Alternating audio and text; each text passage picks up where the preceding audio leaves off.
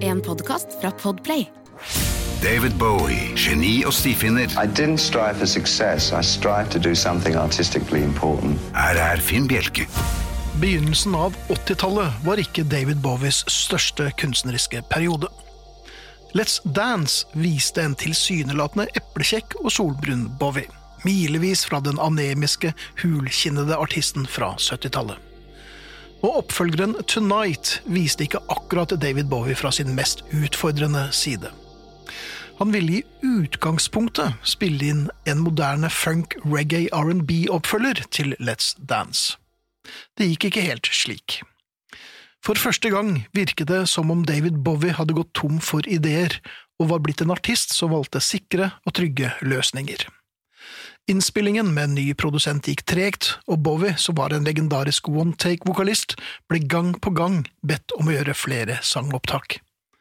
Det gikk som det måtte gå, og Bowie byttet produsent. Senere har Bowie sagt at Tonight var hans Trå vannet-LP. Et friminutt før neste ordentlig prosjekt, litt som pinups hadde vært. Stemningen sto ikke i taket hos blodfans og kritikere da Tonight kom ut.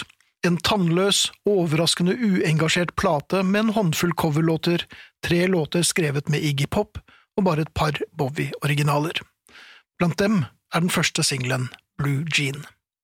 Nok en gang er det noe pastisjaktig over Bowie.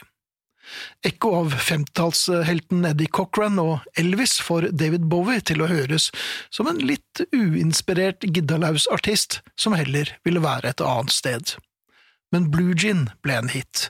Mye tror jeg takket være musikerne på platen, Omar Hakim er som en mitraljøse på trommene. Carlos Alomar med sin særpregde rytmegitar og en herre ved navn Guy St. Ange som spiller marimba, gjør at singelen likevel får det skjeve særpreget som alltid har fått Bowie til å konkurrere i egen klasse. Julian Temple spilte inn en 20 minutters video til Blue Gin med tittelen Jazzing for Blue Gin, hvor det faktisk ser ut som om David Bowie har det moro med å spille forskjellige karakterer, og han ble da også senere med i Julian Temples musikalfilm Absolute Beginners. Blue Jean er altså ingen stor Bowie-låt, men den gjør seg bra på radio. Om LP-en Tonight bare var et hvileskjær før neste mesterstykke, er derimot usikkert.